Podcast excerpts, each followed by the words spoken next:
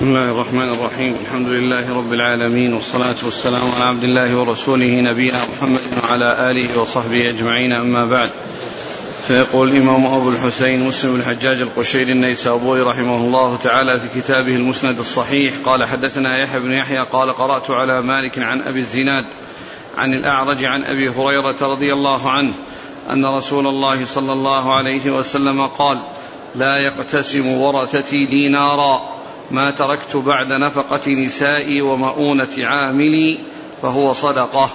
قال حدثنا محمد بن يحيى بن أبي عمر المكي. قال حدثنا سفيان عن أبي الزناد بهذا الإسناد نحوه. قال وحدثني ابن أبي خلف. قال حدثنا زكريا بن عدي. قال أخبرنا ابن المبارك. عن يونس عن الزهري عن الأعرج عن أبي هريرة عن النبي صلى الله عليه وسلم قال لا نورث ما تركنا صدقة. بسم الله الرحمن الرحيم الحمد لله رب العالمين وصلى الله وسلم وبارك على عبده ورسوله نبينا محمد وعلى آله وأصحابه أجمعين أما بعد. فهذان الحديثان يتعلقان بكون الرسول صلى الله عليه وسلم لا يورث وأن ما يتركه بعده صدقة. وأن هذا هو شأن الأنبياء عليهم الصلاة والسلام لقوله في الحديث عن عنه لقوله صلى الله عليه وسلم في الحديث إن معاشر الأنبياء لا نورث. وقد مر يعني ذكر ذلك في الدرس الماضي وذكرنا أن قوله يعني لا يقسم دينار يعني أنه أقل شيء يعني إشارة إلى يعني أقل شيء أنه لا لا لا يورث منه لا قليل ولا كثير.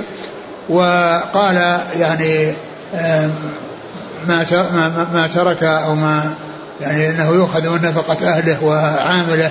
وذكرنا في الدرس الماضي أن العامل هو الوالي الذي يلي الأمر من بعده. قال حدثنا محمد بن يحيى بن أبي عمر المكي عن سفيان. سفيان بن عيينة. عن أبي الزناد. عبد الله بن ذكوان. قال وحدثني ابن أبي خلف محمد بن أحمد. عن زكريا بن عدي عن ابن المبارك. عبد الله بن المبارك. عن يونس عن الزهري. يونس بن يزيد الأيلي والزهري محمد مسلم بن عبيد الله بن عبد الله بن شهاب. عن الأعرج. عبد الرحمن بن هرمز. عن أبي هريرة. قال رحمه الله تعالى حدثنا يحيى بن يحيى وأبو كامل فضيل بن حسين كلاهما عن سليم قال يحيى أخبرنا سليم بن أخضر عن عبيد الله بن عمر قال حدثنا نافع عن عبد الله بن عمر رضي الله عنهما أن رسول الله صلى الله عليه وسلم قسم في النفل للفرس سهمين وللرجل سهما. قال حدثناه ابن أبي قال حدثناه ابن نمير قال حدثنا أبي قال حدثنا عبيد الله بهذا الإسناد مثله ولم يذكر في النفل. ثم ذكر هذا الحديث المتعلق بالقسمة يعني قسمة الغنائم. وعبر هنا قال بالنفل وأن المقصود ذلك الغنائم لأنها هي التي تقسم بين الغانمين وهي الأربعة الأخماس من الغنيمة. و وقد ذكر أن الفارس أو صاحب الفرس يعني يكون لفرسه سهمان ويكون له سهم واحد فيكون ثلاثة أسهم للرجل الذي معه فرس. وأما الراجل فإنه له سهم واحد. وقد ذكر مسلم رحمه الله هذا الحديث الذي فيه أن أن النبي صلى الله عليه وسلم لفظ الحديث قسم. قال أن صلى الله عليه وسلم قسم في النفل للفرس سهمين وللرجل سهما. للفرس سهمين وللرجل سهم يعني صاحب الفرس. وللرجل سهم يعني صاحب الفرس يعني الذي معه فرس يكون له ثلاثة أسهم سهمان له وسهم له وسهمان لفرسه. وقد جاء يعني ذلك أو جاء الحديث في ذلك يعني في التفصيل في تفصيل ذلك في سنن أبي داود وأن الرسول صلى الله عليه وسلم أعطى رجلا ثلاثة أسهم سهمان له وسهم لفرسه سهمان سهم له وسهمان لفرسه والحديث في سنن, أبي داود برقم 2733 2733 وفي الرقم الذي بعده أو الحديث الذي بعده فيه أن أن جماعة أو أربعة معهم فرس فأعطى لكل واحد منهم سهما وللفرس سهمين.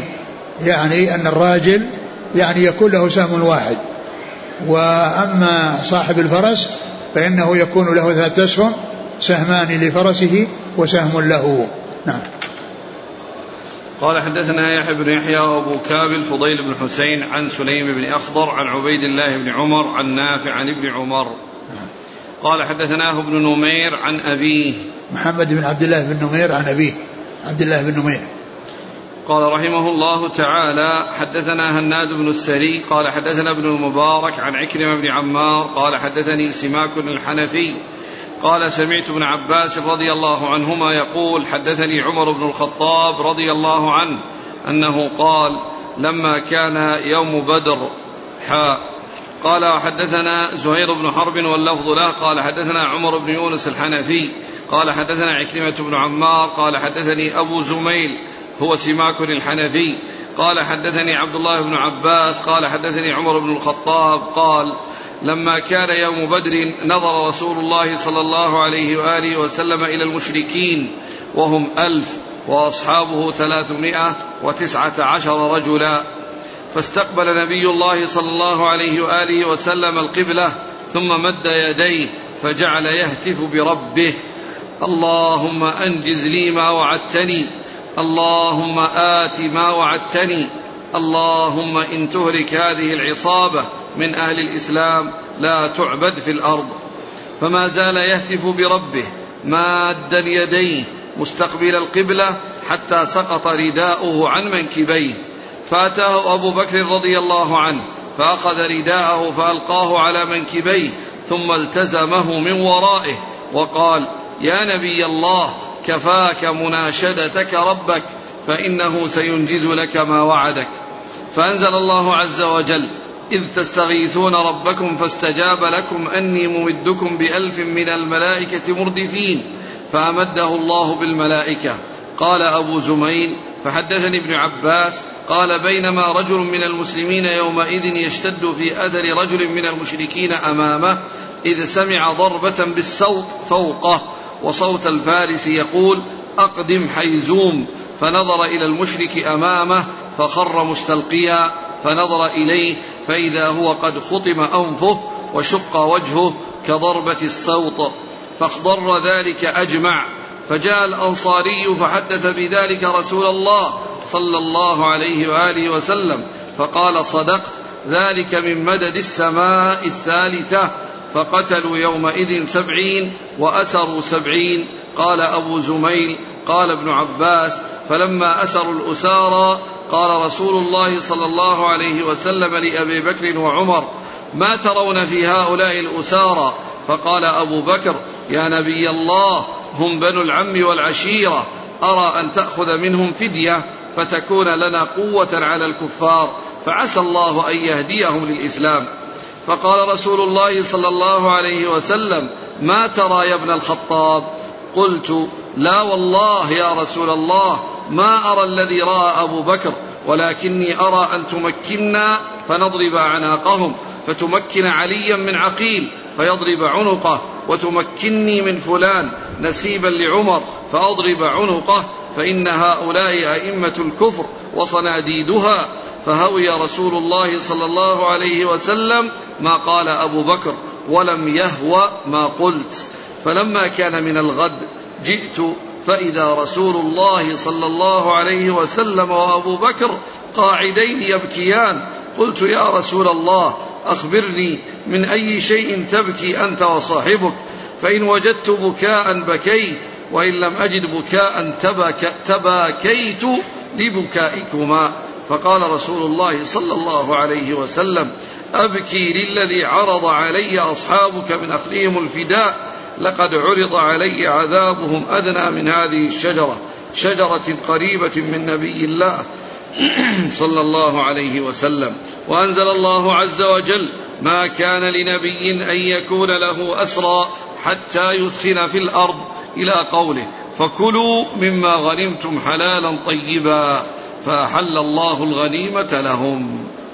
ثم ذكر هذا الحديث المتعلق بإمداد الله عز وجل لرسوله صلى الله عليه وسلم ومن معه من المسلمين يعني في غزوة البدر بالملائكة وأن الله أمدهم بالملائكة فكانوا عونا لهم ونصرهم الله عز وجل على أعدائهم وقتلوا سبعين وأسروا سبعين.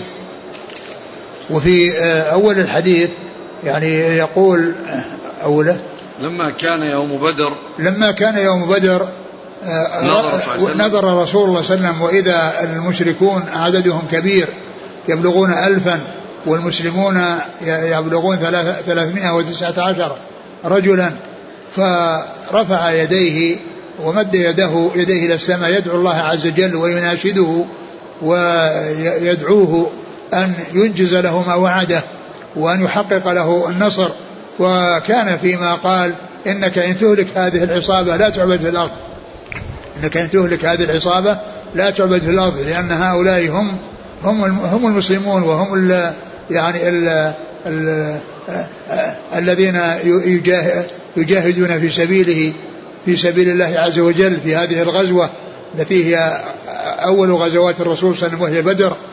فأمده الله عز وجل فصار يهتف ويقول إن تهلك, تهلك هذه العصابة لا تعبد الأرض. يعني أن هؤلاء هم أهل الإسلام.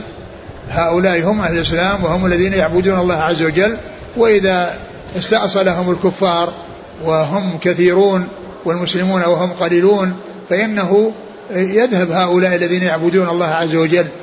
ومعلوم أن أن والله قد أنجز لنبيه ما وعده ونصره وأيده بالملائكة فيعني هذا العدد القليل هزم ذلك العدد الكثير. هذا العدد القليل هزم ذلك العدد الكثير وقتل منهم سبعون وأسر آه، وأسر سبعون. إيش قال بعده؟ استقبل نبي الله صلى الله عليه وسلم. وقوله إن تهلك هذه العصابة لا تعبد في الأرض هذا يعني يستدل به بعض أهل العلم على أن ما يقال من أن الخضر موجود وأنه لم يمت أن هذا غير صحيح. لأنه لو كان الخضر موجود وهلكت هذه العصابة فانه فإن الخضر يعبد الله عز وجل. ثم أيضا لو كان الخضر موجودا كيف كيف يكون موجود بالرسول صلى الله عليه وسلم؟ يعني موجود ولا يأتي إليه ولا يلتقي به ولا مرة واحدة ولا يأتي ذكره لرسول الله صلى الله عليه وسلم وأنه لقيه أو أنه جاء إليه. كل هذا يدل على أن ما قيل من بقائه واستمرار حياته أنه, صحيح أنه غير صحيح. وأنه قد مات. والأدلة على ذلك متعددة ومنها هذا الدليل وهو قوله إن تهلك هذه العصابة لا تعبد يعني في, في الأرض. فأمده الله عز وجل بالملائكة وأنزل آه، القرآن في ذلك وأنه أمده بألف من الملائكة مردفين. إيش فيه؟ هنا لما كان يدعو الله فما زال يهتف بربه مادا يديه. ما دام يهتف بربه يعني يناشده ويسأله ويرفع صوته سائلا الله عز وجل مادا يديه فحتى سقط رداؤه من ورائه. فجاء أبو بكر رضي الله عنه و يعني يعني جعل رداءه عليه والتزمه من ورائه وقال كفاك مناشدة ربك فإن الله منجز لك ما وعدك. نعم. فأنزل الله إذ تستغيثون ربكم فاستجاب لكم أني ممدكم بألف من الملائكة. تستغيثون ربكم الرسول صلى الله عليه وسلم استغاث ربه بهذا الدعاء وبهذا الإلحاح وبهذا الابتهال إليه عز وجل ومناشدة ربه فأمده بالملائكة وأنزل يعني آه الملائكة فكانوا عونا للمسلمين وترتب على ذلك أن هزم العدد القليل العدد الكثير ويعني وقتل من الكفار. يعني هذا العدد اللي هو سبعون وأسر سبعون. نعم. أحسن الله عليك. مردفين معناها؟ مردفين؟ نعم. يعني كأنهم متتابعين أو يعني آه، نعم. فأمده الله بالملائكة. قال أبو زميل حدث ابن عباس بينما رجل من المسلمين يومئذ يشتد في أثر رجل من المشركين أمامه ذكر مثالا من الأمثلة التي فيها يعني يعني يعني قتال الملائكة مع المسلمين وهو أنه لما كان رجل من المسلمين يشتد يعني يجري وراء رجل من المشركين يلحقه يسرع في لحوقه إياه ليقتله. فيعني رأى أو سمع يعني صوتا يقول يعني أقدم حيزون فسمع يعني مثل الصوت وإذا الرجل قد سقط وقد جدع أنفه وحصل يعني التغيير في وجهه يعني ب وأن هذا يعني هذا هذا الفعل حصل من من ملك من الملائكة. قال إنه من من مدد السماء الثالثة. نعم. إنه من مد... قال عيسى إنه من مد... لما بلغ ذلك الرسول صلى الله عليه وسلم قال صدق يعني أن هذا يعني إن ملك عمل به هذا العمل وأنه من مدد السماء الثالثة. أي الذين أمد الله عز وجل بهم المسلمين وهم من ملائكة السماء الثالثة. نعم. بينما رجل من المسلمين يومئذ يشتد في أثر رجل من المشركين أمامه إذ سمع ضربة بالصوت فوقه وصوت الفارس يقول أقدم حيزوم. فنظر الفارس هذا له الملك. نعم. فنظر إلى المشرك أمامه فخر مستلقيا. فنظر إليه فإذا هو قد خطم أنفه وشق وجهه. كضربة السوط. يعني هذا من الملك وهذا من تأييد الله عز وجل لنبيه بالملائكة. نعم. فاخضر ذلك أجمع. يعني اخضر يعني كان تغير يعني ذلك الذي يعني في وجهه من من أنفه وفمه وشق وجهه يعني اخضر يعني كأنه تغير فجاء الأنصاري فحدث بذلك رسول الله صلى الله عليه وسلم فقال صدقت ذلك من مدد السماء. يعني الأنصاري الرجل الذي قال من المسلمين. الذي ذكر في الأول يعني أنه من الأنصار فقال قال صدقت. ذلك من مدد السماء الثالثة. نعم. فقتلوا يومئذ سبعين وأسروا سبعين. فلما أثروا الأسارى قال صلى الله عليه وسلم لأبي بكر وعمر ما ترون في هؤلاء؟ قال أبو بكر يا نبي الله هم بنو العم والعشيرة أرى أن تأخذ منهم فدية فتكون لنا قوة على الكفار. عسى الله أن يهديهم. الرسول عليه الصلاة والسلام لما حصل القتل لمن قتل والأسر لمن أسر يعني سألهم أو سأل أصحابه في الأسرى فيعني سأل أبو بكر رضي الله عنه فقال هم أبناء يعني أبناء العشيرة وأنهم يعني من أنهم من يعني من عشيرتهم وأن يرى أن يأخذ منهم يعني فداء يكون قوة يعني للمسلمين. وأما عمر رضي الله عنه فرأى أنها أنه أن, أن يقتلوا وألا يؤخذ يعني الفداء بل يتخلص من هؤلاء الصناديد صناديد الكفر الذين الذين يعني جاءوا لقتال الرسول صلى الله عليه وسلم. ف فهوي الرسول صلى الله عليه وسلم ما قاله أبو بكر يعني مال إلى ذلك ولم يهوى ما قاله عمر ثم إن إنه جاءه من الغد وإذا الرسول صلى الله عليه وسلم ومعه أبو بكر وهما يبكيان فقال ما الذي يبكيكما؟ اخبراني أخبرني بالذي يبكيك وصاحبك فإن يعني وجدت بكاء بكيت وإلا تباكيت. يعني يتكلف البكاء من أجل أن يوافق رسول الله صلى الله عليه وسلم في في بكائه. فقال أبكي للذي يعني أبكي للذي قال أبكي للذي عرض علي أصحابك من أخذهم الفداء.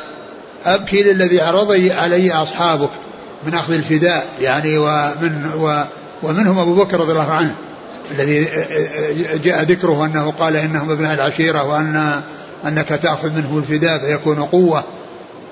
نعم. الذي عرض أصحابه فقد رأيت فقد لقد عرض علي عذابهم. أدنى من هذه الشجرة. لقد عرض علي عذابهم يعني ولكنهم لم يعذبوا. وقد جاء لولا كتاب الله سبق لمسكم في آخرتهم عذاب عذاب عظيم. فيعني ف يعني قال عرض علي عذابهم يعني الشيء الذي وعدوا به ولكنهم لم يعذبوا. نعم. وأنزل الله عز وجل ما كان لنبي أن يكون له أسرى حتى يثخن في الأرض. يعني من حتى الكفار يعني تحصل النكاية بالكفار ويعرفون أنهم يعني انتصر عليهم وحصلت العزة والغلبة للمسلمين عليهم وأن يعني النكاية بالكفار وإدخال الرعب والذل والخوف وإخافتهم أن هذه مطلوبة في أول الأمر نعم. قال حدثنا هناد بن السري عن ابن المبارك عن عكرمة بن عمار عن سماك الحنفي. عبد الله بن المبارك ابن المبارك عبد الله بن المبارك. عن؟ عكرمة بن عمار عن, عن سماك الحنفي. هو أبو زميل هو نفس أبو زميل الذي سيأتي. نعم. عن ابن عباس عن عمر بن الخطاب. نعم. قال رحمه الله تعالى حدثنا قتيبة بن سعيد قال حدثنا ليث عن سعيد بن أبي سعيد أنه سمع أبا هريرة رضي الله عنه يقول بعث رسول الله صلى الله عليه وآله وسلم خيلا قبل نجد فجاءت برجل من بني حنيفة يقال له ثمامة بن أثال سيد أهل اليمامة. فربطوه بسارية من سوار المسجد فخرج إليه رسول الله صلى الله عليه وسلم فقال ماذا عندك يا ثمامة؟ فقال عندي يا محمد خير إن تقتل تقتل ذا دم وإن تنعم تنعم على شاكر وإن كنت تريد المال فسل تعطى منه فسل تعطى منه ما شئت. فتركه رسول الله صلى الله عليه وسلم حتى كان بعد الغد. فقال ما عندك يا ثمامة؟ قال ما قلت لك إن تنعم تنعم على شاكر وإن تقتل تقتل ذا دم وإن كنت تريد المال فسل تعطى منه ما شئت. فتركه رسول الله صلى الله عليه وسلم حتى كان من الغد. فقال ماذا عندك يا ثمامة؟ فقال عندي ما قلت لك. إن تنعم تنعم على شاكر. وإن تقتل تقتل ذا دم.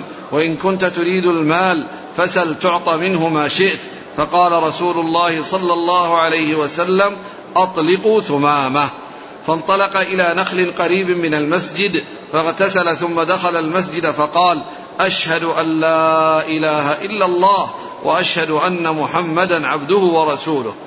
يا محمد والله ما كان على الأرض وجه أبغض إلي من وجهك فقد أصبح وجهك أحب الوجوه كلها إلي. والله ما كان من دين أبغض إلي من دينك فأصبح دينك أحب الدين كله إلي. والله ما كان من بلد أبغض إلي من بلدك فأصبح بلدك أحب البلاد كلها إلي وإن خيلك أخذتني وأنا أريد العمرة فماذا ترى؟ فبشره رسول الله صلى الله عليه وسلم وأمره أن يعتمر فلما قدم مكة قال له قائل أصبوت؟ فقال لا ولكني أسلمت. ولكني أسلمت مع رسول الله صلى الله عليه وسلم. ولا والله لا يأتيكم من اليمامة حبة حنطة حتى يأذن فيها رسول الله صلى الله عليه وسلم. قال حدثنا محمد بن المثنى قال حدثنا أبو بكر الحنفي قال حدثني عبد الحميد بن جعفر قال حدثني سعيد بن أبي سعيد المقبري أنه سمع أبا هريرة يقول بعث رسول الله صلى الله عليه وسلم خيلا له نحو أرض نجد. فجاءت برجل يقال له ثمامة بن أثال الحنفي سيد أهل اليمامة. وساق الحديث بمثل حديث الليث إلا أنه قال إن تقتلني تقتل ذا دم. ثم ذكر هذا الحديث آه، فيما يتعلق بكون الرسول صلى الله عليه وسلم أرشد أرسل جيشا قبل نجد وأتوا برجل يقال له ثمامة بن أثال سيد أهل اليمامة. فرابطه الرسول صلى الله عليه وسلم في المسجد وهذا يدل على يعني جواز إدخال الكافر المسجد للحاجة أو عند الحاجة إلى ذلك. و ف كان الرسول عليه الصلاة والسلام يأتي إليه ويقول له ما, ما يعني ما؟ ما, ما حالك؟ ماذا عندك يا ثمامة؟ ماذا عندك يا ثمامة؟ ماذا عندك؟ ويقول خير عندي خير إن تنعم تنعم على شاكر وإن تقتل تقتل يا دم وإن كنت تريد المال فاسأل تعطى. فإن كنت تريد المال فاسأل تعطى. ثم إنه تركه وجاء بعد الغد وقال له مثل هذه المقالة وأجابه ثمامة بمثل ما أجاب به في الأول. ثم في المرة الثالثة من الغد يعني جاء إليه الرسول صلى الله عليه وسلم وقال ما يعني ما قال في المرة الأولى وأجابه بما أجابه في المرة الأولى والثانية. ثم إن الرسول قال أطلقوه. فذهب وانطلق إلى حائط قريب من المسجد فاغتسل وجاء ودخل المسجد وقال أشهد أن لا إله إلا الله وأشهد أن محمدا عبده ورسوله. ثم ذكر ما ذكر من كونه كان كان رسول أبغض الناس إليه وأنه صار أحب الناس إليه وأن يعني ما هناك بلد يعني يبغضها أشد من بغضه لبلده فكانت بلده أحب البلاد يعني إليه وقال إن خيلك أخذتني وأنا أريد العمرة فماذا تأمرني؟ فبشره وقال اذهب واعتمر. فذهب واعتمر وقال له قائل من من مكة في مكة صبوت يعني تركت دينك وصرت في إلى دين محمد. وهذا هو معنى الصابر يعني ترك دين وانتقل من دين إلى دين. انتقل من دين إلى دين. فقال إن إن أني أسلمت ودخلت في دين محمد ووالله لا يأتيكم من اليمامة حبة حنطة إلا إذا أذن فيها رسول الله عليه الصلاة والسلام. إلا إذا أذن في ذلك رسول الله عليه الصلاة والسلام. ويعني جاء في يعني في في غير الصحيح أن في غير صحيح مسلم في غيره أن أن أنهم كانوا طلبوا كتبوا للرسول أو طلبوا من الرسول صلى الله عليه وسلم يطلبون منه أن يسمح بمجيء الميرة لهم من اليمامة. فسمح بذلك رسول الله عليه الصلاة والسلام. يعني أنهم لما سمعوا كلام آه ثمامة وقال لا يأتيكم حبة حنطة يعني ما يصل لهم ولا الشيء القليل الذي هو حبة يعني لا تصل إليهم إلا إذا أذن رسول الله صلى الله عليه وسلم. فكانوا طلبوا من الكفار احتاجوا إلى أن يطلبوا من الرسول صلى الله عليه وسلم وقالوا يعني يا أنك أنك تأمر بالصلة. فالرسول عليه السلام أذن يعني لأهل اليمامة بأن يرسلوا لهم الميرة التي هي الحنطة. أعد الحديث الأولى بعث رسول الله صلى الله عليه وسلم خيلا قبل نجد فجاءت برجل من بني حنيفة يقال له ثمام بن أثال سيد أهل اليمامة. فربطوه بسارية من سوار المسجد فخرج إليه رسول الله صلى الله عليه وسلم فقال ماذا عندك يا ثمامة؟ فقال عندي يا محمد خير إن تقتل تقتل ذا دم وإن تنعم تنعم على شاكر. قوله إن تقتل تقتل ذا دم يعني فسر معناه أو قيل في معناه أنه له شأن وله يعني منزلة فأنت إن قتلته تقتل يعني رجلا عظيما يعني وكبيرا في قومه وزعيما في قومه يعني ويكون في يعني في ذلك يعني معناه نكاية شديدة. وإن تنعم تنعم على شاكر يعني يشكر لك يعني عفوك وصفحك ومسامحتك. ثم إن إنه آه، بعد ذلك أمر بإطلاقه. وهداه الله عز وجل الإسلام وراح واغتسل وجاء وشهد. وقد قال العلماء إن الذي ينبغي أن الإنسان عندما يريد الإسلام أنه يبادر إلى الإسلام وأنه يبادر به ويطلب منه أن يدخل في الإسلام. ولا يطلب منه أن يذهب ويغتسل أول أو أنه يعني يفكر وإنما من يطالب بشهادتين وأن يشهد أن لا إله إلا الله وأن محمد رسول الله. حتى يدخل في هذا الدين الحنيف الذي به الخروج من الظلمات الخروج من الظلمات إلى النور. قال إن تقتل تقتل ذا دم وإن تنعم تنعم على شاكر ثم آه، يعني آه، ذهب واغتسل وجاء وكما قلت يعني بعض أهل العلم يقول إن إن إنه لا يقال يعني الرجل إنه يغتسل وإنه يذهب يغتسل ثم يأتي ويسلم وإنما يبادر بالاسلام لأن مبادرة بالاسلام لو مات يعني يموت على حالة طيبة. يموت على حال طيبة. وأما إذا اغتسل وهو لم يسلم يعني قد يموت قبل أن يدخل في الإسلام. وقد يعني جاء في الحديث ابن اليهودي الذي جاء إليه الرسول وعاده وعرض عليه عليه الإسلام وأنه نظر إلى أبيه فقال أطع القاسم ف يعني شهد شهد على الله وأن رسوله ثم مات. فيعني فصار يعني من أهل الإسلام ومات على الإسلام ولم يعش ولم يبق إلا يعني يسيرا حتى توفي بعد هذه هاتين الشهادتين بذل الشهادتين لله بالوحدانية ولنبيه محمد صلى الله عليه وسلم برسالة. فإذا الكافر يطلب منه الدخول في الإسلام ويبادر إلى ذلك حتى يظفر بهذا الخير العظيم وهذه النعمة العظيمة التي هي أعظم النعم وأجل النعم. وهي الهداية للصراط المستقيم. نعم. وبعدين؟ قال عندي خير يا محمد. إن تقتل تقتل ذا دم وإن تنعم على شاكر وإن كنت تريد المال فسل تعطى منه ما شئت. نعم. بعده إلى أن قال فأصبح بلدك أحب البلاد. يعني هذا كله يعني بيان يعني يدل على قدرة الله عز وجل وعلى توفيقه وأن الأمر بيد الله عز وجل وأن القلوب هي بيد الله أن يقلبها كيف يشاء.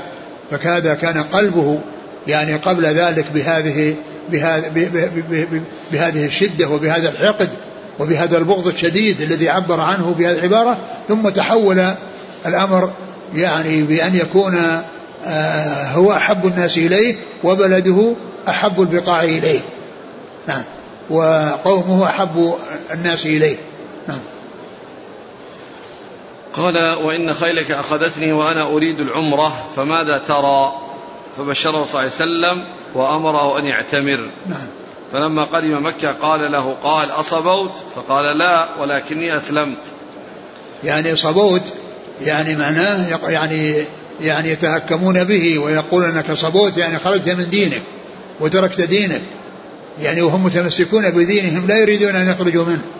ولهذا ذموا وعابوا يعني هذا الذي حصل.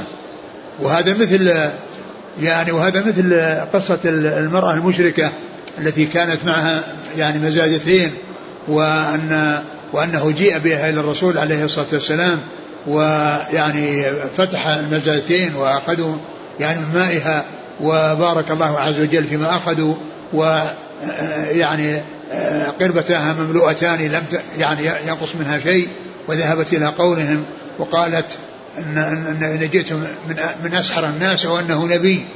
ولما سألوها قالوا امشي معنا إلى رسول الله. قالت أهو الصابئ؟ أهو الصابئ؟ قالوا هو الذي تعنيه. هو الذي تعنيه. ما قالوا هو الصابئ؟ قالوا هو الذي تعنيه. يعني هو الذي تريد بكلامها. نعم. فالصابئ هو الذي خرج أو ترك دين قومه. نعم فكان يقول الرسول صلى الله عليه وسلم إنه صابئ وأنه خرج من دين قومه وخالف قومه في دينهم وجاء بدين جديد. نعم. قال ولا والله لا يأتيكم من اليمامة حبة حنطة حتى يذن فيها رسول الله صلى الله عليه وسلم. نعم وهذا يعني حصل أنهم كتبوا للرسول وأنه كتب يعني بتحقيق يعني مطلبهم وأن لا تقطع عنهم الميرة وهو الحنطة التي كانت آه، تجلب من اليمامة إلى إلى مكة. نعم. قال حدثنا قتيبة بن سعيد عن ليث. ليث بن سعد. عن سعيد بن أبي سعيد عن أبي هريرة. نعم. قال وحدثنا محمد بن المثنى عن أبي بكر الحنفي. هو عبد الكبير بن عبد المجيد. عن عبد الحميد بن جعفر عن سعيد بن أبي سعيد المقبري عن أبي هريرة. قال رحمه الله تعالى حدثنا قتيبة بن سعيد قال حدثنا ليث عن سعيد بن أبي سعيد عن أبيه عن أبي هريرة أنه قال بينا نحن في المسجد إذ خرج إلينا رسول الله صلى الله عليه وسلم فقال انطلقوا إلى يهود فخرجنا معه حتى جئناهم. فقام رسول الله صلى الله عليه وسلم فناداهم فقال يا معشر يهود أسلموا تسلموا. فقالوا قد بلغت يا أبا القاسم. فقال لهم رسول الله صلى الله عليه وسلم ذلك أريد. أسلموا تسلموا. فقالوا قد بلغت يا أبا القاسم. فقال لهم رسول الله صلى الله عليه وسلم ذلك أريد. فقال لهم الثالثة فقال اعلموا أنما الأرض أنما الأرض لله ورسوله وأني أريد أن أجليكم من هذه الأرض فمن وجد منكم بماله شيئا فليبعه وإلا فاعلموا أن الأرض لله ورسوله. ثم ذكر يعني هذا الحديث الذي فيه يعني ما يتعلق باليهود وإجلائهم من المدينة وأن الرسول عليه الصلاة والسلام قدم جاء إلى أصحابه وهم في المسجد فقال انطلقوا إلى يهود فذهبوا يعني معه صلى الله عليه وسلم وقال يا معشر يهود أسلموا تسلموا أسلموا تسلموا لأن لأن لأن في الإسلام السلامة. وهذا هو أسلوبه صلى الله عليه وسلم الذي كان يخاطب به الكفار بل يخاطب به كبار كبار كبار الكفار مثل ما جاء في خطابه أو في كتابه إلى قيصر قال أسلم تسلم. يعني أسلم تسلم لأن السلامة في الإسلام وفي الدخول في الإسلام لأن الإنسان يسلم من, من, من عذاب الدنيا وعذاب الآخرة. يسلم من يعني من القتل أو من الاسترقاق وفي الآخرة يسلم من عذاب النار. يعني ففي الإسلام السلامة من, من, من, من شرور الدنيا وشرور الآخرة. ثم إنه كرر ذلك عليهم وهم يقولون قد أبلغت أو بلغت يا أبا القاسم يعني ومعنى ذلك أنهم لم يسلموا ولم يشاءوا أن يسلموا أو لم يريدوا أن يسلموا. فالرسول عليه الصلاة والسلام قال اعلموا أن الأرض هي لله ورسوله وأن يريد أن يجليكم يعني فمن فمن وجد؟ فمن وجد منكم بماله شيئا فليبعه. فمن وجد منكم بماله شيئا فليبعه. يعني أن يبيع يعني الشيء الذي يعني بحوزته أو الشيء الذي عنده ويعني ويذهب ويترك المدينة ويخرج منها. وقد جاء في بعض الروايات أنهم يأخذون ما تحمله يعني دوابهم يعني ما عدا السلاح ويعني نعم. قال فمن وجد منكم بماله شيئا فليبيعه وإلا فاعلموا أن الأرض لله ورسوله. نعم. قال حدثنا قتيبة بن سعيد عن ليث عن سعيد بن أبي سعيد عن أبيه عن أبي هريرة. نعم. يعني أبو سعيد سعيد بن أبي سعيد المقبري يروي عن أبي هريرة مباشرة ويروي عن أبيه عن أبي هريرة. يعني فأبو هريرة شيخ للإبن والأب. شيخ للإبن الذي هو أبو سعيد وشيخ للإبن للأب الذي هو أبو سعيد وشيخ للإبن الذي هو سعيد بن أبي سعيد. ولهذا يأتي يعني في كما مر في الروايتين السابقتين سعيد بن أبي سعيد عن أبي هريرة. وهنا سعيد عن أبيه. نعم. عن أبيه عن أبي هريرة. نعم.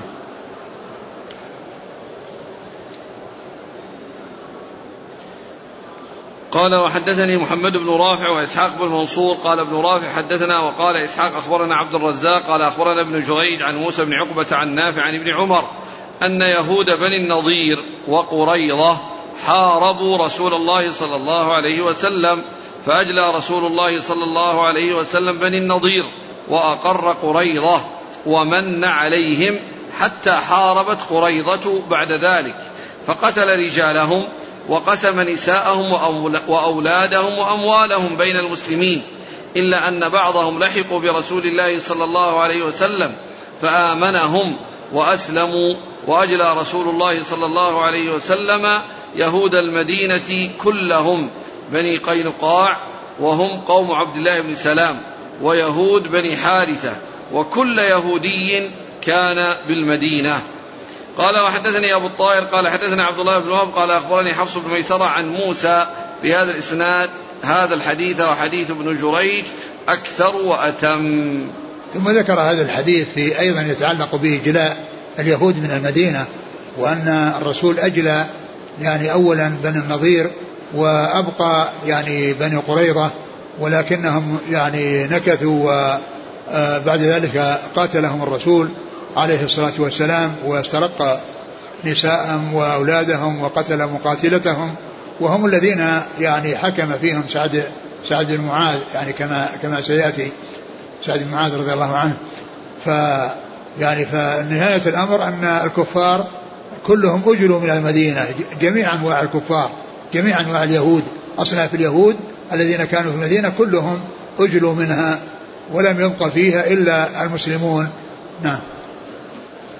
قال حدثني محمد بن رافع وإسحاق بن منصور عن عبد الرزاق بن همام الصنعاني. عن ابن جريج. عبد الملك بن عبد العزيز بن جريج. عن موسى بن عقبة عن نافع عن ابن عمر. نعم. قال وحدثني أبو الطاهر. أحمد بن عمرو بن السرح المصري عن عبد الله بن وهب عن حفص بن ميسرة عن موسى. بن عقبة. قال رحمه الله تعالى وحدثني زهير بن حرب. قال حدثنا الضحاك بن مخلد عن ابن جريج. حاء قال حدثني محمد بن رافع واللفظ له. قال حدثنا عبد الرزاق. قال أخبرنا ابن جريج. قال أخبرني أبو الزبير أنه سمع جابر بن عبد الله يقول أخبرني عمر بن الخطاب أنه سمع رسول الله صلى الله عليه وآله وسلم يقول لاخرجن اليهود والنصارى من جزيرة العرب حتى لا أدع إلا مسلما. قال وحدثني زهير بن حرب قال حدثنا روح بن عبادة قال أخبرنا سفيان الثوري. حاء قال وحدثني سلمة بن شبيب قال حدثنا الحسن بن أعين قال حدثنا معقل وهو ابن عبيد الله. كلاهما عن أبي الزبير بهذا الإسناد مثله. ثم ذكر هذا الحديث الذي فيه إخراج اليهود والنصارى وجميع الكفار يعني من جزيرة العرب وأن أنه لا يبقى فيها إلا مسلمون وتكون هي موطن الإسلام والذي فيها مسلمون ولا يبقى فيهم كفار ولا يبقى فيها كفار. ف يعني ف يعني فالرسول عليه عليه عليه السلام أخبر بأنه سيخرج اليهود من جزيرة العرب قال حتى لا أدعي إلا مسلما. يعني معنى ذلك اليهود والنصارى وغيرهم من الكفار. لقوله في الحديث لا أدع إلا مسلما. يعني لا يبقى فيها إلا المسلمون. لا يبقى فيها إلا المسلمون. وهذا يعني فيه يعني إجلاء اليهود من من أرض العرب ومن أرض الإسلام ومن مهد الإسلام الذي جاء فيها الإسلام. وانتشر منها الإسلام لا يبقى فيها إلا المسلمون ولا يجتمع فيها دينان وإنما يكون فيها دين واحد هو الإسلام. وقد سبق أن مر أن هذا مما أوصى به أيضا الرسول صلى الله عليه وسلم مما أوصى به يعني كما سبق أن مر إخراج اليهود والنصارى من جزيرة العرب. نعم. قال حدثني زهير بن حرب عن الضحاك بن مخلد. الضحاك بن مخلد أبو أبو عاصم النبيل. ذكر يذكر باسمه كما هنا ويذكر كثيرا بكنيته أبو عاصم وهو أبو كنية أبو عاصم ولقبه النبيل واسمه الضحاك بن مخلد عن ابن جريج نعم. قال حدثني محمد بن رافع عن عبد الرزاق عن ابن جريج عن أبي الزبير. محمد بن مسلم بن تدرس المكي.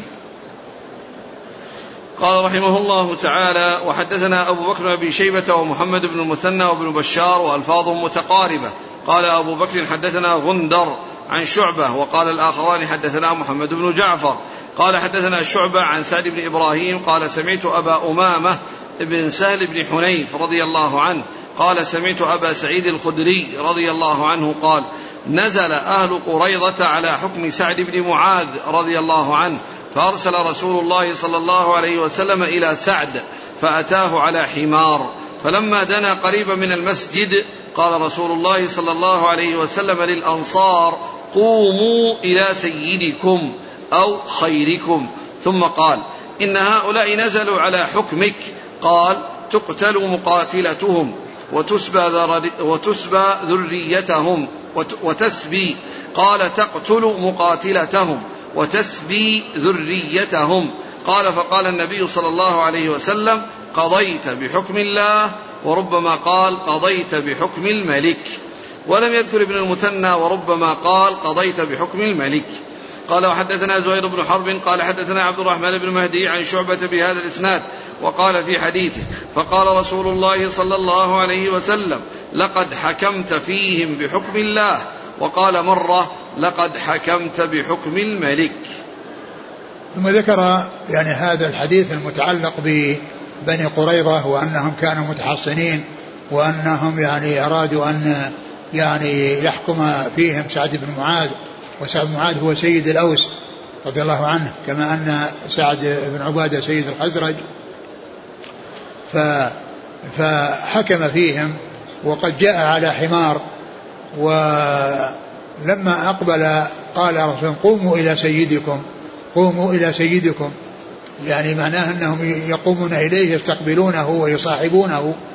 وهذا يدل على أن القيام إلى الرجل من أجل مصافحته أو معانقته أو استقباله وتكريمه بالمصاحبة بالدخول.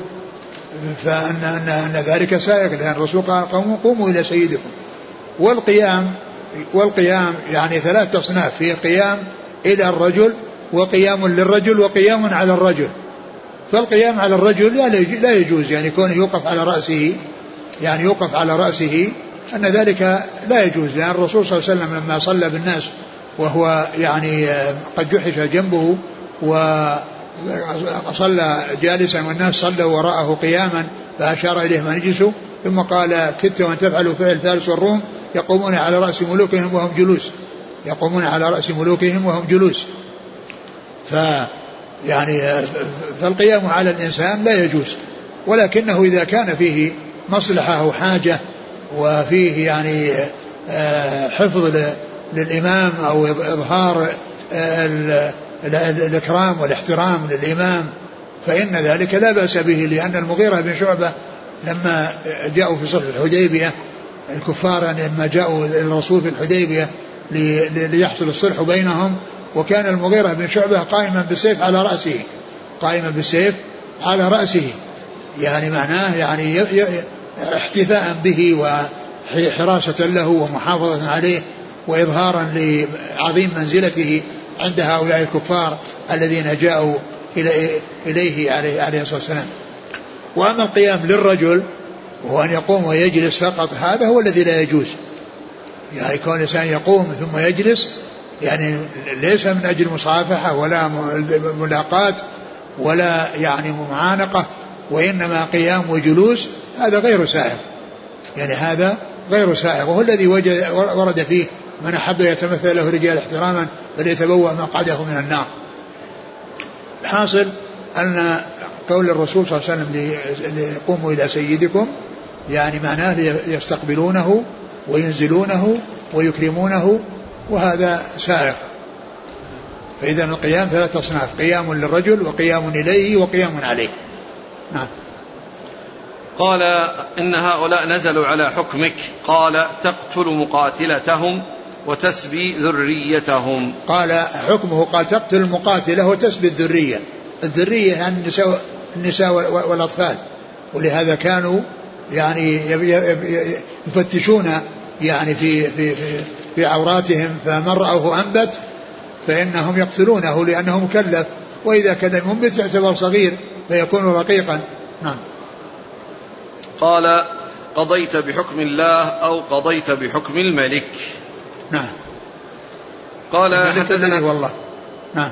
قال حدثنا أبو بكر بن شيبة ومحمد بن المثنى بن بشار عن غندر. هو لقب محمد بن جعفر.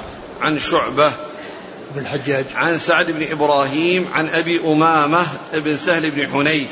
نعم. اسمه أسعد. نعم. عن أبي سعيد الخدري. نعم.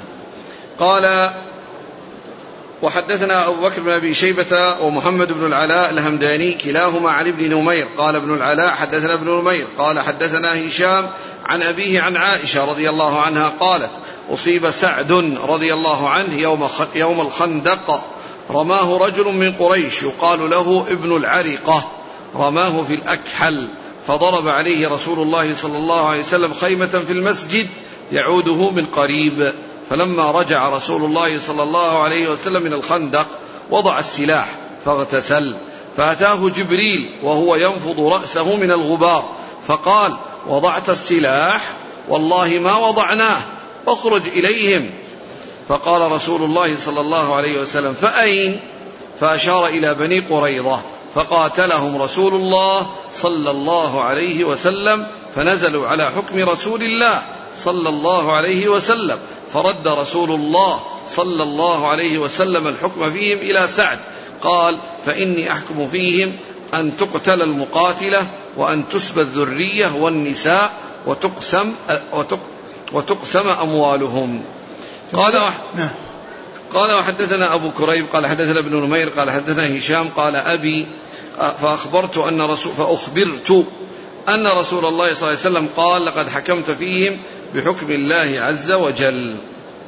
ثم ذكر هذا الحديث أيضا وهو يعني يتعلق ب يعني كون الرسول كون كعب كون أبي كون سعد بن معاذ رضي الله عنه سيد الأوس أنه أصيب في أكحله يوم الخندق. يعني معناه أنه يعني صار الدم يعني يخرج من منه ويسيل سيلان وذلك أنه أصاب عرقا يعني يسيل منه الدم وكان في ساعده أو في يده. ف يعني فكان الرسول صلى الله عليه وسلم ضرب له خيمة يعني في المسجد وكان يعوده. وأن الرسول صلى الله عليه وسلم وأن جبريل جاء إلى النبي وقال وضعت السلاح أو يعني فقال نحن ما وضعناه وجاء ثم يعني قال اخرج إلى بني قريظة فخرج إليهم وكذلك يعني يعني نزلوا نزلوا على حكمه فجعل الحكم فيهم لسعد بن معاذ وحكم بقتل المقاتلة وسبي وسبي الذرية. نعم. هنا نص قال وأن تسبى الذرية والنساء. الذرية والنساء يعني الذرية يراد بها الأولاد إذا عطف عليه النساء لكنه أحيانا يأتي الذراري ويراد بها مجموع مجموع يعني مجموع الرجال النساء والصبيان. نعم. الإسناد الثاني قال حدثنا أبو كريب عن ابن نمير عن هشام قال قال أبي فأخبرت. يعني هذا لا لا يؤثر لأن يعني هذا الذي قال إنه أنا حكمت بحكم الملك ومر في الأحاديث السابقة يعني متصلة. نعم. قال حدثنا أبو كريب قال حدثنا ابن نمير عن هشام قال أخبرني أبي عن عائشة رضي الله عنها أن سعدا رضي الله عنه قال وتحجر كلمه للبرء فقال اللهم إنك تعلم أن ليس أحد أحب إلي أن أجاهد فيك من قوم كذبوا رسولك صلى الله عليه وسلم وأخرجوه. اللهم فإن كان بقي من حرب قريش شيء فأبقني أجاهدهم فيك. اللهم فإني أظن أنك قد وضعت الحرب بيننا وبينهم. فإن كنت وضعت الحرب بيننا وبينهم فافجرها واجعل موتي فيها. فانفجرت من لبته فلم يرعهم. وفي المسجد معه خيمة من بني غفار إلا والدم يسيل إليهم. فقالوا يا أهل الخيمة ما هذا الذي يأتينا من قبلكم؟ فإذا سعد جرحه يغذ دما فمات منها. بعده قال وحدثنا علي بن الحسين بن سليمان الكوفي قال حدثنا عبد عن هشام بهذا الإسناد نحوه غير أنه قال فانفجر من ليلته فما زال يسيل حتى مات وزاد في الحديث قال فذاك حين يقول الشاعر ألا يا سعد سعد بني معاذ فما فعلت قريضة والنظير لعمرك إن سعد بني معاذ غدا تتحملوا له الصبور تركتم قدركم لا شيء فيها وقدر القوم حامية تفور. وقد قال الكريم أبو حباب أقيموا قينقاع ولا تسيروا وقد كانوا ببلدتهم ثقالا كما ثقلت بميطان الصخور. ثم ذكر يعني هذا الحديث يعني أن سعد بن معاذ رضي الله عنه وكان قد جرح يوم الخندق وكان في خيمة في المسجد وأن وأن أن, أن جرحه تماثل للشفاء والبرء والاندمال وأنه سأل الله عز وجل يعني إن كان بقي من قتال الكفار الذين أخرجوا الرسول صلى الله عليه وسلم وأنه ستكون الحرب يعني معهم أن يبقيه حتى يقاتل هؤلاء القوم الذين أخرجوا الرسول صلى الله عليه وسلم وآذوه. وقال يعني و و و وإن كنت يعني وضعت الحرب بيننا وبينهم فافجرها. يعني يعني ينفجر هذا الجرح يعني ليموت. يعني بسبب ذلك فيحصل الشهادة لكونه قتل أو مات بسبب الجرح الذي حصل في سبيل الله. فانفجر وصار يغذ يعني يسيل يعني من الدم حتى كان بجوارهم خيمة. لأناس آخرين فكان الدم يعني يسير إليهم فقالوا ما هذا الذي يأتينا منكم يا أهل الخيمة وإذا هذا الدم يأتي من جرح سعد بن معاذ رضي الله عنه و و وقد مات. نعم. قال فانفجرت من لبته. قال من لبته يعني من من نحره أو من أو من يعني وقيل من في الرواية الأخرى من ليلته. يعني من ليلته. نعم بدل لبته. نعم. فإذا سعد جرحه يغذ دما. يغذ يسيل يصب ويسيل.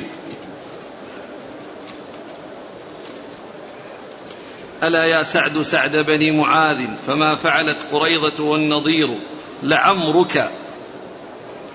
لعمرك هذه كما هو معلوم يعني الرسول صلى الله عليه وسلم قالها يعني كلمة لعمرك ليست قسم. وإنما هي كلام مؤكد من مؤكدات الكلام وقد جاءت في كلام الرسول صلى الله عليه وسلم وكلام أصحابه. ففي الحديث الصحيح أن الرسول عليه السلام قال في حق الذين يعني بسعد الخدري والذين معه الذين رقوا سيد القوم قال لا لا لا لا لا, لا, لعمري لمن أكل برقية باطلا لقد أكلت برقية حقا لعمري هكذا قال رسول الله صلى الله عليه وسلم. وقالت عائشة رضي الله عنها لعمري ما أتم الله عمرة وحج من لم يطف بين الصفا والمروة. لعمري. فإذا هي من من من الألفاظ المؤكدة وليست من من قبيل القسم. نعم.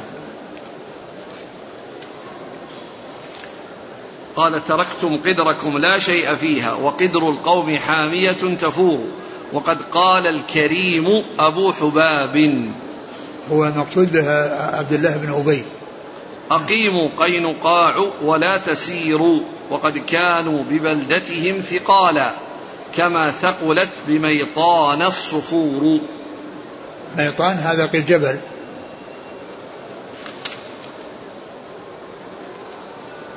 قال حدثنا علي بن حسين بن سليمان الكوفي عن عبده بن سليمان. عن هشام بهذا الإسناد. قال رحمه الله تعالى وحدثني عبد الله بن محمد بن أسماء الضبعي قال حدثنا جويري بن أسماء عن نافع عن عبد الله رضي الله عنه أنه قال نادى فينا رسول الله صلى الله عليه وسلم يوم انصرف عن الأحزاب أن لا يصلين أحد الظهر إلا في بني قريظة فتخوف ناس من فوت الوقت فصلوا دون بني قريظة وقال آخرون لا نصلي إلا حيث أمرنا رسول الله. صلى الله عليه وسلم وإن فاتنا الوقت قال فما عنف واحدا من الفريقين. ثم ذكر هذا الحديث المتعلق بكون الرسول عليه الصلاة والسلام يعني لما يعني آه، آه، أراد الذهاب إلى بني قريظة وقال لا يصلي أن أحدكم الظهر. يعني هكذا جاء في مسلم وجاء في صحيح البخاري العصر إلا في بني قريظة وأن وأنهم يعني ذهبوا ولما كانوا في أثناء الطريق يعني لم منهم من آه من, من صلى العصر قبل يعني في وقتها ونزلوا وصلوا.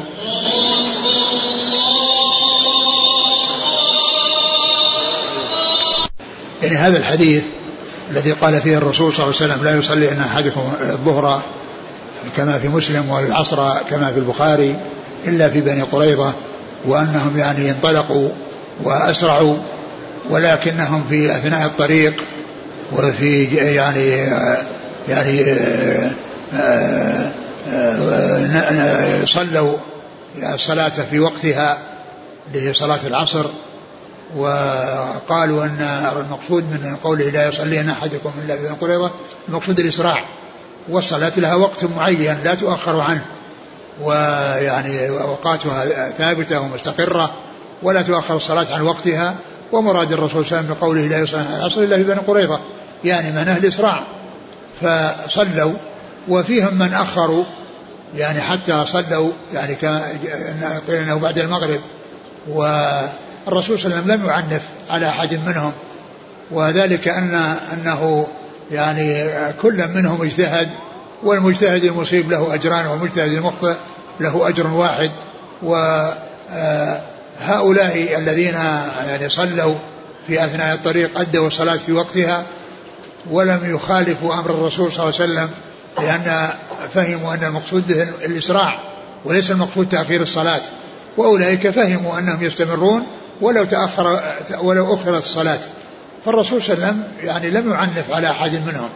ولا شك أن الذين صلوا الصلاة في وقتها يعني هم الذين حصل منهم الموافقة لما جاءت به الأدلة من المحافظة على الصلوات في أوقاتها وأنها لا تؤخر عن أوقاتها.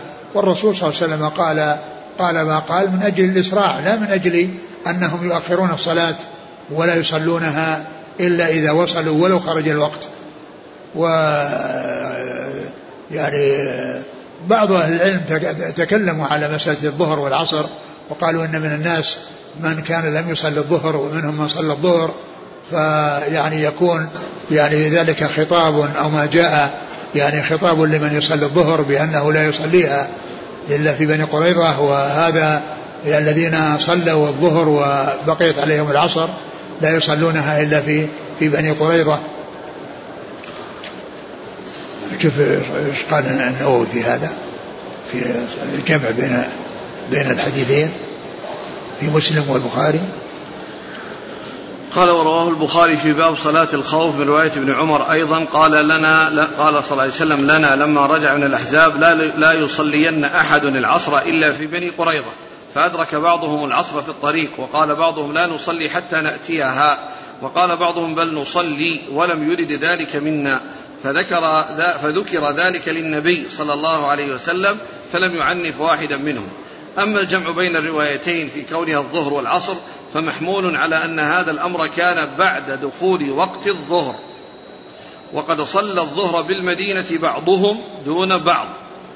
فقيل للذين لم يصلوا الظهر لا تصلوا الظهر إلا في بني قريظة وللذين صلوها بالمدينة لا تصلوا العصر إلا في بني قريظة. ويحتمل أن أنه قيل للجميع لا تصلوا العصر ولا الظهر إلا في بني قريظة. ويحتمل أنه قيل للذين ذهبوا أولا. لا تصلوا الظهر إلا في بني قريظة. وللذين ذهبوا بعدهم لا تصلوا العصر إلا في بني قريظة.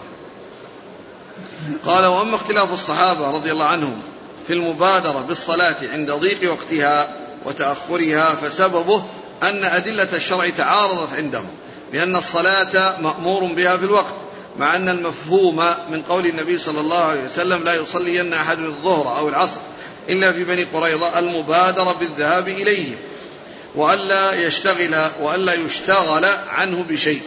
لا أن تأخير الصلاة مقصود في نفسه من حيث إنه تأخير. فأخذ بعض الصحابة بهذا المفهوم نظرا إلى المعنى لا إلى اللفظ. فصلوا حين خافوا فوت الوقت وأخذ آخرون بظاهر اللفظ وحقيقته فأخروها. ولم يعنف النبي صلى الله عليه وسلم واحدا من الفريقين لأنهم مجتهدون. ففيه دلالة لمن يقول بالمفهوم والقياس مراعاة المعنى ومراعاة المعنى.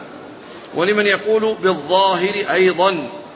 وفيه أنه لا يعنف المجتهد فيما فعله باجتهاد إذا بذل وسع إذا بذل وسعه في الاجتهاد.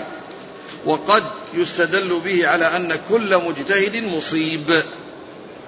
وللقائل لا هو لا شك أنه مصيب أجرى كل مجتهد مصيب أجرى لكن يعني ليس كل مجتهد مصيب حقا.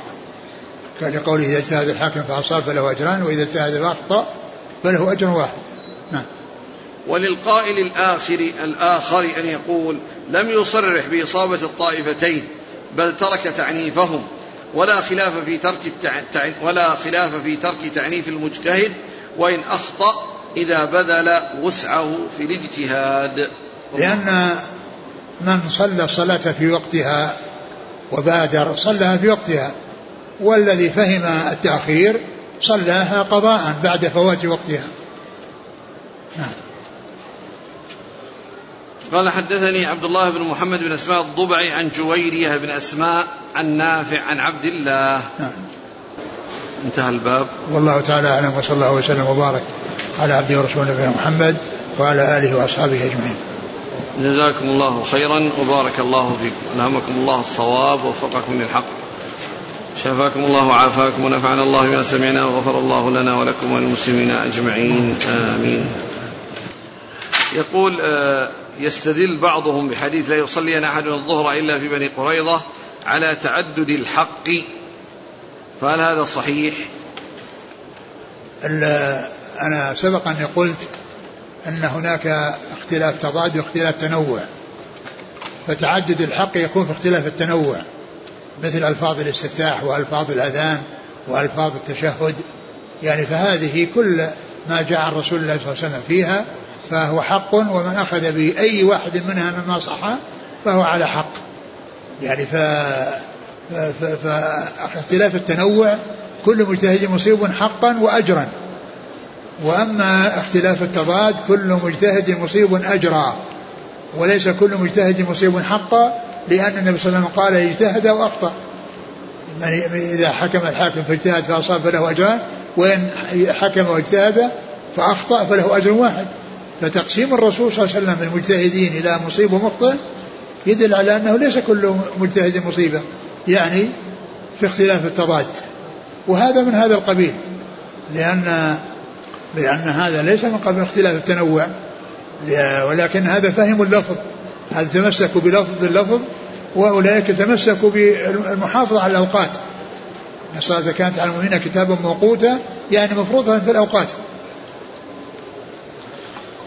أحسن الله إليك. وإنما الصلاة تؤخر إذا نام الإنسان عنها أو نسيها. من نام عن صلاة ونسيها فليصليها إذا ذكرها. لا كفارة لها إلا ذلك. أحسن الله إليك. كيف الجمع بأن النبي صلى الله عليه وسلم أجلى كل يهودي؟ وأنه صلى الله عليه وسلم مات ودرعه مرهون عند يهودي. هذا يمكن يعني إذا كان أنه بقي يعني معناه أنها يعني كونه يبقى يعني أشياء نوادر وما إلى ذلك ما ما يعارض يعني قضية إجلاهم وخلو الأرض منهم وكونه يبقى يعني فيهم ناس يعني أفراد يعني قليلين جدا. يعني هذا يد قوله مرهونة ليهودي يعني هذا يفيد يعني يفهم منه أنه موجود لكن لا يعني ذلك أن أنه إذا وجد يعني عدد قليل يقال أن أن ما حصل مقصود.